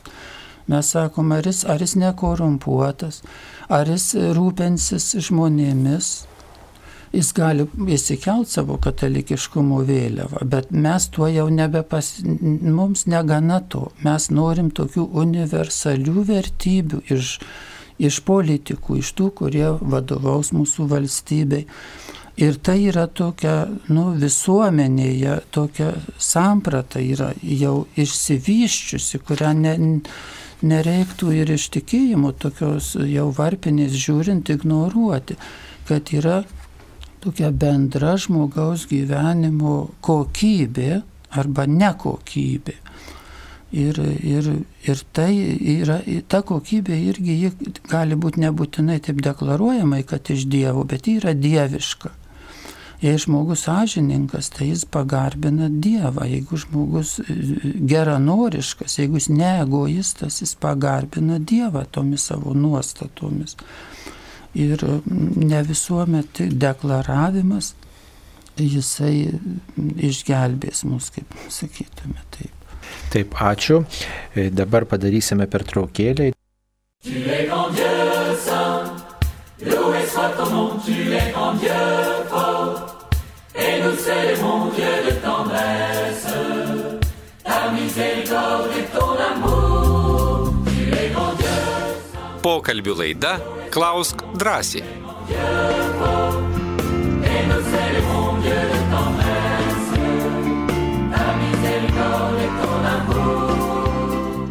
Taigi, mėly Marijos radio klausytojai, tęsėme laidą Klaus drąsiai. Dalyvauja profesorius, habilituotas teologijos daktaras kunigas Romualdas Dulskis ir aš kunigas Saulis Bužauskas. Tęsėme atsakymus į jūsų atsiustus klausimus. Štai tokia viena žinutė apie tai, kuo skiriasi katalikų e, Biblija nuo kitų konfesijų Mm, nuo kitų konfesijų Biblijos. Tai mm, katalikų Biblijoje mm, yra, galima pasakyti, daugiau knygų, e, Senojo testamento knygų daugiau. E, katalikų Biblijoje yra kanoninės Tobito knyga, Juditos knyga, dvi Makabėjų knygos, taip pat Siracido išminties knyga, e, Barucho knyga ir graikiškai parašyta Esteros knyga ir graikiškieji skyriai iš Danieliaus knygos. Taigi šitų knygų nepripažįsta kai kurios protestantiškos bendruomenės, jos pripažįsta tik tai hebrajiškai parašytą į šventą įraštą, bet yra štai knygų, kurias ką tik paminėjau, kurios parašytos graikiškai, parašytos vėliau, kai žydai buvo tremtyje ir jos na, pateko į graikiškai, graikiškai švento rašto vertimą ir paskui į vulgatą ir tokiu būdu jos e, tapo kanoninėmis knygomis ir kai jau buvo tas galutinis, taip sakant, kanono patvirtinimas Tridento susirinkimo metu 1545-63 metais, 16 amžiuje, taigi visuotinis bažnyčios susirinkimas pripažino septuagintoje E, sutiktas knygas Senojo testamento dalimi. Taigi, e, kai leidžiamas ekumeninis Biblijos vertimas, šios knygos yra atskirai įdėtos tiesiog na, tos švento rašto knygos, Biblijos knygos vienoje atskiroje dalyje, pabaigoje. O reiškia Senojo testamento baigiamojoje dalyje ir vadinamos antrojo kanono knygomis, bent jau pas mus. Tai e, jų kai kurios protestantiškos bendruomenės nepripažįsta, bet stačiatikiai, katalikai ir, man rodos, liuteronai šias knygas pripažįsta ir, ir jie skaito kaip šventą įraštą. Tai taip trumpai atsakytume, kunigė, nebent jūs ką pridėtumėt. Taip. Gerai, tai dabar tęsėme, mm, dar turim keliu, kelis kitus, mm, kitus mm, klausimus. Ar per karantiną galima atlikti išpažinti per Skype? Čia anksčiau uždavė tokį klausimą, bet nelabai suprato atsakymo. Išpažintis per Skype, galima, negalima, ką, ką pasakytumėt kunigė? Aš pasakyčiau, kad pirmiausia, gal mes esame tokia, būtų labai nuostabu, kad bandytume suprasti išpažinti jas esmę ir, ir, ir reiškia kažkaip tai gal ir tas mokymas toks yra šiandieną, jau reiktų jį kažkaip atnaujinti. Pačią bažnyčios tokią, nu, reiškia, praktiką arba tokį interpretavimas šito ir sakramento ir galbūt dar ko nors. E, kadangi gyvenimas vyksta, keičiasi ir, ir mm, daugeliu atveju e, žmonės taip e, į, įkalta, galima sakyti, kad žinai reikia, nueik išpažinti, tau Dievas nuodėmės atleis. Tarsi kažkaip Dievas nenori išeitų atleisti nuodėmių, o kunigai geresni už Dievą ar kaip tai, kad kunigas atleis nuodėmės, o taip jau ne. Tai toks, aišku, čia yra visokie teologiniai aiškinimai, kurie irgi yra sąlyginiai turbūt, nes labai, žinai, įvairiais galima požiūriais išaiškinti ir įvairius, nu, įvairius požiūrius galima turbūt plėtoti toj, toj pačioj tradicijoje krikščioniškoj. Tai ko gero, vat, reikėtų šiandieną kažkaip tą Dievo, kai gailestingumą pabrėžė popiežius, tai ir ta, kad Dievas tikrai neturi problemos atleisti žmogui nuodėmės. Čia nėra problema. Bet turbūt čia labiausiai turbūt koncentruojasi į tą žmogus, kad per Skype, kodėl vat, sunku. Na nu, taip, tai prasideda tokie gal per Skype, gal per telefoną, gal tarsi jau kitaip, ne, kaip sakant, bus, nu, nėra išeities, kaip būtinai. Tai pasibaigs tas karantinas ramiai nuveisime. Aš nežinau, kokia bažnyčios nuomonė dėl dėl Skype, ar čia taip, ar čia taip. Nu, turbūt tokia pagrindinė kliūtis per Skype, per telefoną, kodėl ne, dėl to, kad galima tokia paslapties, vis dėlto mm, e, paslapties taisyklės tokia, na, toks pažeidimas, kai kunigas susitinka su e, tuo žmogumi vadinamu e, penitentu, tai gyvas santykis, reiškia, nėra ir net ir, sakykime, klausykloje neturėtų būti jokio nei telefono, nei nieko, kad žmogus galėtų visiškai tokioj paslaptyje atlikti išpažinti jau per Skype, gali galimas tas pasiklausimo pavojus, kiti tas. gali klausytis ir per telefoną žinom, kad to, tokia galimybė yra. Tai turbūt čia pagrindinė priežastis. Kitas dalykas, kad yra gyvo santykio sakramentas. Gyvo santykio, čia dar iš, iš tradicinės tokios teologijos tas tas, kai dar tie telefonai nebuvo taip, taip kaip dabar tos galimybės pasiklausyti ar panašiai, tai, tai tas gyvas santykis būdavo akcentuojamas, bet Bet jeigu sakytume, kad Dievas visur mato, viską mato, tai ir tas, santyk, tas gyvo santykio argumentas gal galėtų būti peržiūrėtas šiandieną. Ir, ir aišku, o tas, kad nėra absoliučiai nu, saugu atlikti, tai tas be abejo šiandieną tas labai labai svarbu, kad reikalui esant tarnybos iškas tavo tą pokalbį visą, jeigu joms ir tik reikės. Jeigu nereikės, tai nereikės, bet jeigu reikės, jos, jos turės ant stalo visą tavo išpažinti.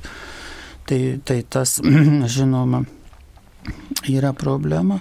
Bet, bet va ta dvasinė išpažintis, kuri, kuri dabar buvo patarta per karantiną ir labai išmintingai pasakyta ir dvasiniai komunija, ir dvasiniai išpažintis, tai mano galva e, veda į tam tikrą tokį gilesnį samonėjimą, e, suprasti, kas, ta, kas, kas iš viso yra išpažintis. Tai išpažįstame reiškia pripažįstame nuodėmes. Suprantat, jeigu aš pripažįstu kokį nors dalyką kaip nuodėmę, tiesiog patsai savo, taip o taip, keiktis yra nuodėmė. Tai ką man keiktis, aš nenoriu tada daugiau keiktis, nes tai yra ne kažkoks tai destruktyvus dalykas.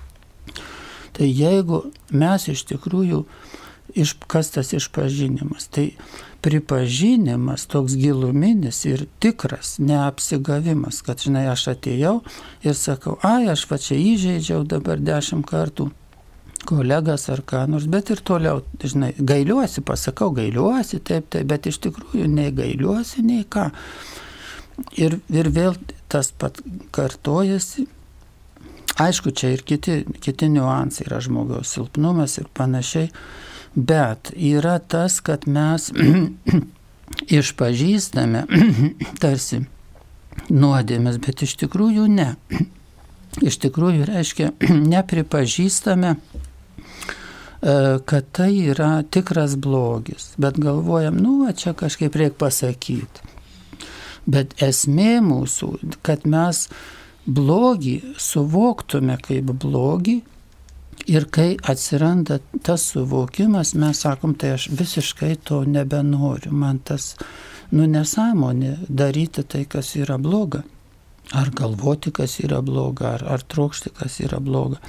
O jeigu mes nesuvokiame, tai tada nėra ir išpažinimo, tikro, tokio giluminio išpažinimo nėra. Mes ateinam, sakom, nu va taip reikia pasakyti. Bet jeigu nesuvokiu, kokio nors blogio kaip blogio. Pavyzdžiui, kad lipti per galvas kitiems žmonėms nesu, o galvoju, tai visi, kai, a kaip gyvensi, reikia lipti per galvas. Ir gal net neišpažįstu to, arba jei išpažįstu, tai taip atsiprašau, bet jeigu suvokiu, to nebedarau. Tai, tai ta dvasinė išpažintis, kuri šiandien patariama, man atrodo labai svarbu ją išgirsti, tą, tą patarimą, tą praktiką, nes įveda į tikrą įsiklausimą į save pačius ir, ir tokį pergalvojimą, pagilinimą to, ką mes laikome nuodėmė, ką nelaikome, kaip giliai laikome. Tai. Ir tai yra, o, reiškia, Dievas pasiryžęs atleisti, jis neturi jokių problemų, kaip mes savo, savo kaltininkams, artimiems, mylimiems neturim problemų atleisti, bet problema yra, kad mes liekame nuodėmėse ar, ar kokiuose tai destruktyviuose dalykuose liekame. Taip. Tai va čia yra. Taip, ačiū.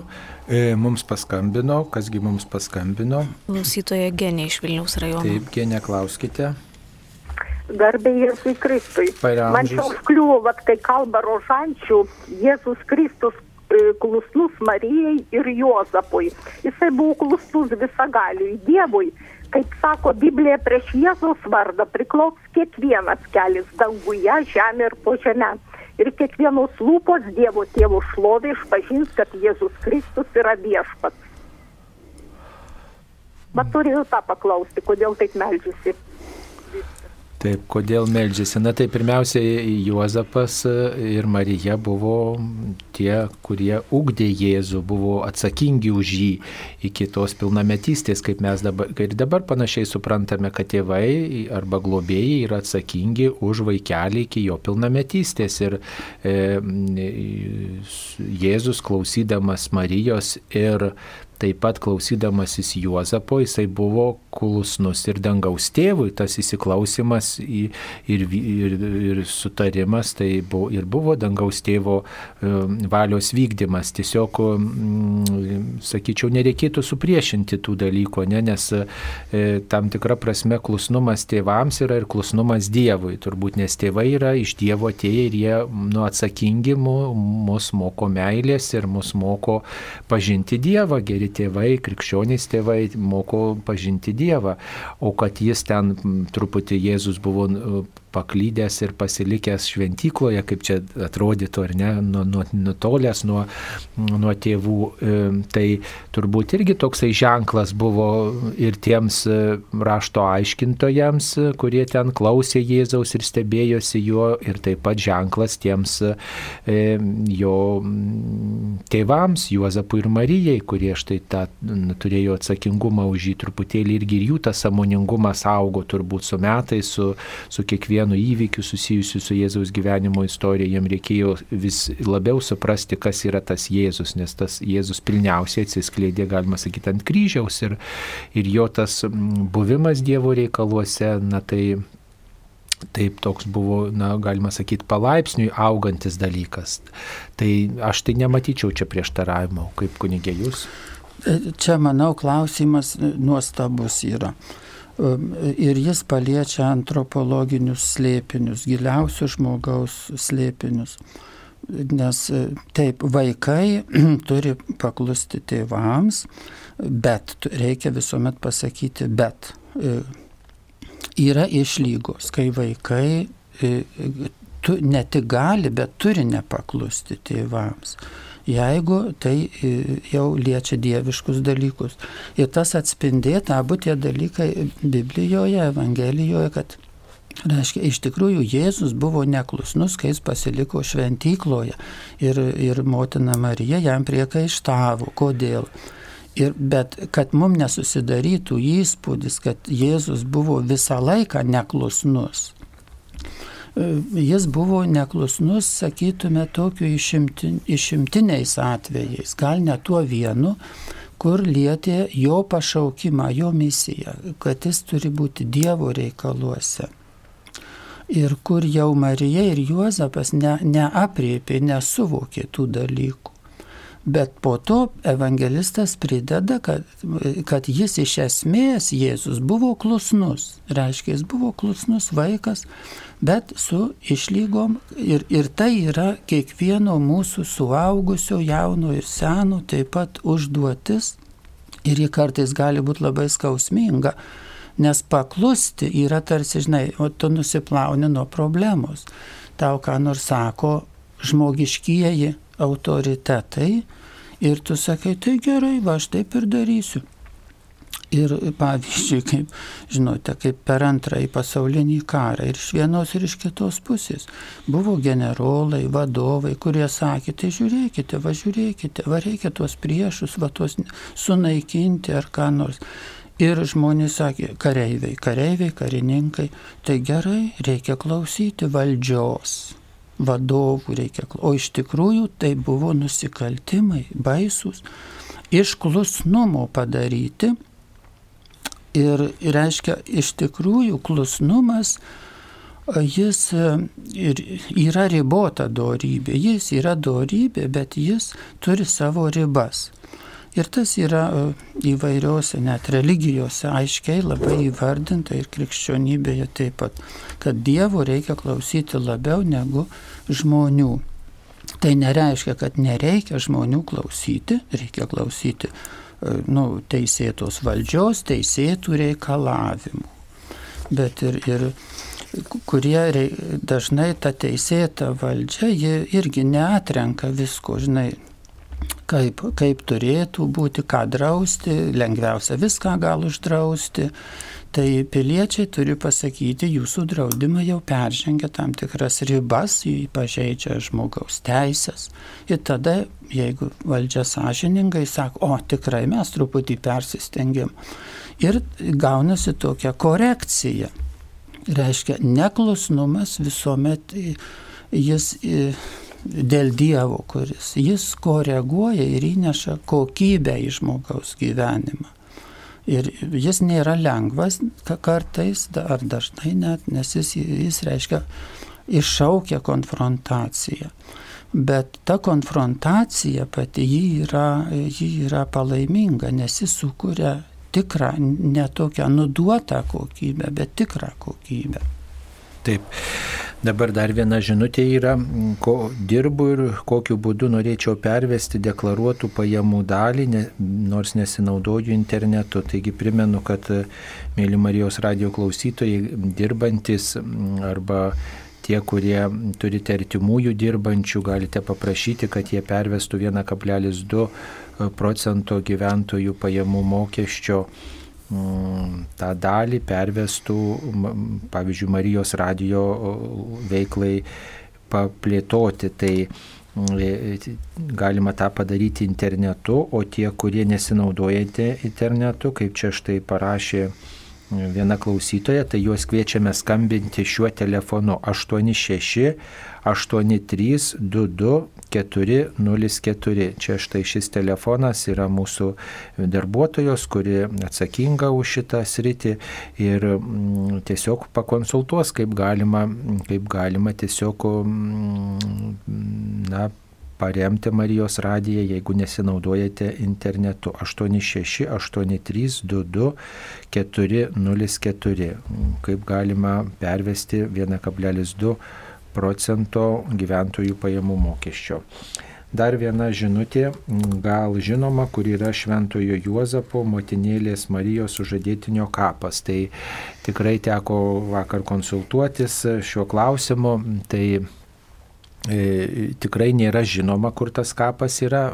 Tikriausiai taip tikėtina, kad e, Juozapas gyveno Nazarete ir Nazarete jis yra ir palaidotas, tačiau nėra tos kulto vietos, kuri būtų, reiškia, gerbiama Švento Juozapo kapas. Yra vienuolynas, kuri, po kuriuo yra e, kapavietės, ten tokios uoloj nišos, kuriuose būdavo laidojami Jėzaus laikais gyvenę E, žmonės, tai ten tikriausiai ir Juozapas buvo palaidotas, bet, na, tos uolos, tos kapavietės yra tuščios. Tai e, manoma, kad ten galėtų būti buvęs Juozapo kapas. Aišku, yra ir kitų tokių gerbimo vietų, pavyzdžiui, kur yra juo, e, mergelės Marijos buvęs kapas, e, ten yra Juozapo koplyčia, bet ten na, nebuvo susijęta su Juozapo kapavietė. Tik tai va Juozapo atminimui įsteigta koplyčia Juozapo garbiai pavadinta. Tai taip trumpai atsakytume, žodžiu, yra tokių mums iš kelių šventųjų, kurių kapavietės nėra žinomos. Taip, dabar kviečia pakomentuoti laišką Efeziečiams penktąjį skyrių, kuriame rašoma, kad tikinčiajam netinka kvaila šneka ir juokų krėtimas, o, o tuo labiau netinka ir kunigui. Tai mm, kaip galėtume pasakyti, kad kartais ir mes kunigai pajokaujame ir čia per radiją ir atsakinėdami į klausimus ir panašiai ir kai kuriuose laidose turbūt tą darome ir bendrai bažnyčioje pasigirsta ir, ir krikščionys turbūt e, tą turi, vat, e, pajokavimą, juokus krečia ir gal kvailai pašnekam kartais, na, e, vaiškė feziečiams, na, yra tas tok, tokia užuomina, kad tai netinka krikščionėms, tikintiesiems. Tai, o mes tuo užsiimam, tai kartais tenka turbūt, ne, dėl kažkokių priežasčių, tai kaip tai galima pakomentuoti, kaip tai suderinti su tokiu gyvenimu pagal Dievo žodį. Tai jo, kvaila šneka, tai jos e, priešingybė turbūt pas Benediktą e, iš, išmintingą jį vakarų vienolijos tėvą yra e, e, dorybė vadinama gravitas. Tai yra toks e, rimtumas, ar kaip galėtum išversti, suprasti tą tokią tam tikrą nelabai gal aiški savoka arba daug, ke, kelia prasmė savoka. Reiškia, Benediktas daugelio vienuolių vadovas, jisai norėjo, kad to, tokių kvailų nu kalbų. Kas tai yra?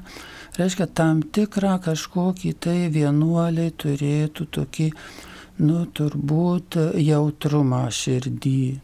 Pavyzdžiui, nu kaip įsivaizduotume, nežinau, mama, kuri prie kūdikio savo būna, jinai taip švelniai su juo būna arba tėtis, arba mokytojas, pavyzdžiui, ten į klasę tai jisai kažkokius protingus dalykus kalba.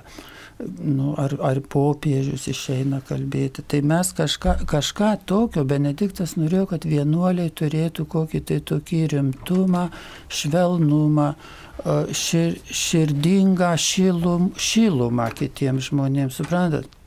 Svarbiausia, ką mes galbūt turim kitiems žmonėms atnešti, tai tokią šilumą, geranoriškumą ir ne, nepradėti tokius kažkokius tai kas, kalbas, kurios užgoštų tą, tą žmogiškas vertybės. Tai čia, e, o krėsti juokus ir juokauti aš atskirčiau, tai du labai skirtingi dalykai. Pajuokauti buvo būdinga beveik visiems šventiesiems nors Jėzus yra pasakyta pradžiugo, džiaugiasi, bet kad juokavo nėra pasakyta. Nu, bet juokauti, pasakyti kokį tai humorą, tai yra, yra nuostabu ir, ir krėsti juokus, tai vėl sakytume taip pat beprasmiškai kažkaip juokinti kažkokius anegdotus, beprasmius pasakoti taip juokas dėl juoko, tarsi sakytume, krėsti juokus, tai juokas dėl juoko arba toks, nu, kažkas užėmimas, sakytume, eterio kažkur tai nereikalingai. Užėmimas tokios erdvės pradedi kalbėti ir vietoj to, kad kitam leist pasakyti protingus dalykus, tai kreti kažkokius juokus, kažką pasakoji ir, ir tai geriau Benediktas ir, ir kiti mokytojai tą sakydavo, tai geriau patylėk, subrandink kažkokį tai nu, klausimą į kitą žmogų. Reiškia, kas, kas būtų opozicija tai kvailai šneka, tai pasakyti, kaip tu gyveni, kaip tau vakar sekėsi, ar kas tau skauda, ar kuo tu džiaugiesi. Ir išklausyti žmogų, eiti į santyki su žmogumi. O, ir, nes tai yra brangenybė mūsų dialogo su kitu žmogum. O pajuokauti tai, kad kartais e, e, humorė yra nu, tam tikra išmintis arba toks nuleidimas to, to rimtumo. Viskas taip rimta, rimta. Mes, mes ir žaismingi žmonės norim būti ir, ir suaugę, ir seni, norim tokių, tokių atsipalaidavimų ir rekreacijos. Ir tai yra labai, labai žmogiška, labai teisėta ir labai šventa tas, tas žaidybinis elementas mūsų gyvenime, jis reikalingas. Net tie, kur sako, reiškia, fiziniai pratimai, tai turi ne tik būti jėgai, ištvermiai, bet ir žaidybiniai, nes žmogaus koordinacija, reiškia, nu, vystosi arba palaikoma yra. Tai ir, ir humoras, reiškia, jis gali būti labai išmintingas, veikas, pamokantis, atpalaiduojantis ir jame kažkokia tai didžiulis net toks, sakytume, gėris yra visai priešybė krėsti juokams. Čia turbūt e, apie lengvabūdiškumą e, šventam rašte kalbama apie tai tokį vis dėlto egoizmą, ne, tas begydystė, kvaila šneka ir juokų krėtimas jums tai netinka, verčiau te būna dėkojimas. Tai aišku dėkojimas Dievui, kad mes nesusikoncentruotume į tokį lengvabūdiškumą, kad viskas čia priklauso tik nuo mūsų, kad mes galim užsijimti kažkokiais menkaverčiais dalykais, bet daugiau dėkoti Dievui už viską ir pastebėti viešpatės veikimą.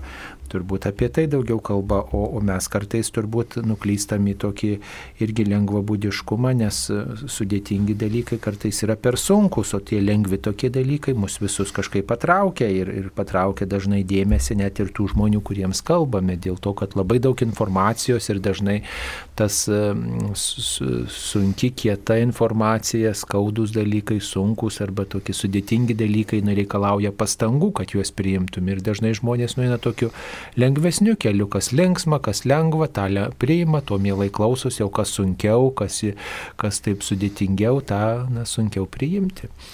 Na, bet kokiu atveju vis dėlto kviečiam nesmerkti to žmogaus, kuris net ir tuos kvailus juokus krečia, ar, ar, ar yra lengvabūdiškas Bet yra vis tiek tas, yra, kaip savo, žmogus, kuris neturi humoro jausmo. Tai va, reiškia, yra tas negatyvus neturėjimas humoro jausmo. O turėti humoro jausmą, subtilų, tai yra, yra vertybė, kokybė žmogaus ir net šventųjų gyvenimuose randame tokių, kurie, nu, galėtume sakyti, tokius žingsnius padarė per humorą, kokybinius žingsnius, komunikuodami su žmonėmis, reiškia, kartais labai rimtai gali sakyti, čia taip, Kristus, Dievas, die paskutinis teismas. O kartais gali pasakyti tą su humoru ir žmogaus širdis atsiveria. Kito tai tas irgi yra. Taip, mums paskambino. Klausytoja Ona iš Alitaus. Taip. Nebesulaukė. Ajajai, tai dar turim vieną žinutę. E, apie prieiškimo knygą. Mm, negirdėti jos komentarų, ne vienam aišku E, ne vienam žmogui ne, nesuprantama, kas yra žvėris iš jūros, žvėris iš sausumo, žvėries atvaizdas, didžioji ištvirkelė, septynios negandos, e, na ir panašiai. Kaip mes galėtume pakomentuoti, nežinau, na aišku, čia labai trumpai nepakomentuosime, bet galima sakyti, tie dalykai, kuriuos jūs minite, E, čia suminėtus, tai daugiau susiję su tuo konkrečiu istoriniu laikotarpiu ir su e, imperatoriaus Nerono viešpatavimu, čia daugiau eina apie e, kalba apie 17 prieškimo knygos skyrių. Ir na, apskritai ta ištvirkelė ir, ir ta žvėris, tai visi stabai gali būti mūsų, mūsų gyvenime. Ir ta, ta dvasinė tokia prasme mes perskaitome tas, tuos simbolius. Aišku, tai daugiau toks e, interpretacijos laukas gana platus yra tų tos simbolikos ir ta knyga tokia simbolinė prasme interpretuojama, gal dėl to vengiant to nu, simbolikos tiesiog jinai ir rečiau yra komentuojama, mes tiesiog ieškom tokio na, aiškesnio, tokio ne tiek per simbolius, kiek per tokią kiek, kiek tokia aiškesnių tokių nuorodų, bet daugiau kalbama apie tai, kas, kad mes neprisirištume prie stabų. Kunigė, ką gal pridėsite? Ar nežinau, gerai jaučiu, bet tam klausime toks galbūt noras arba kituose tokiuose yra, kad gal šiem, šiems laikams galime ką nors pritaikyti. Vat. Tai tas Daugybė iš tikrųjų komentarų yra prirašyta apie prieškimo knygą, sunku būtų visus žmogui turbūt perskaityti per gyvenimą. Bet e, ko vengtina, kokia yra klaida, įvardinta jau išmintingų biblistų, kad ne, neieškoti atitikmenų vėlesnėje istorijoje. E, reiškia, ar tai viduramžių, ar tai šių laikų, naujųjų laikų, kad čia, žinai, gal čia Stalinas, gal čia Hitleris, gal čia dar kas nors pavaizduota, gal čia musulmonų, kokį fundamentalistai reikia suprasti. Tai visa tai yra jau neturi pagrindų toksai ieškojimas jeigu norim kokius istorinius e, atitikmenis ten rasti, tai jie tik yra to laikmečio, kai ta knyga buvo parašyta, reiškia pirmųjų amžių atitikmenys, kaip kunigas Saulis teisingai pasakė.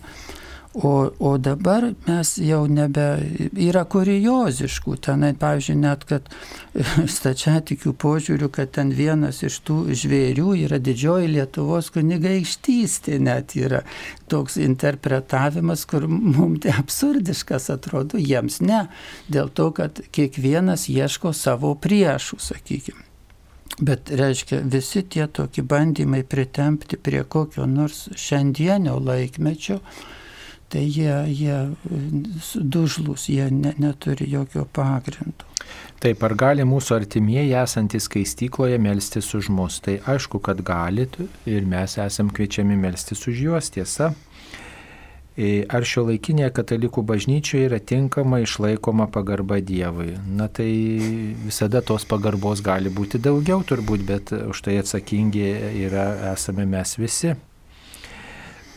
E, ar galėtumėte ką nors pasakyti apie ašarų dovaną? Skaičiau, kad kai kurie šventieji ją turėjo.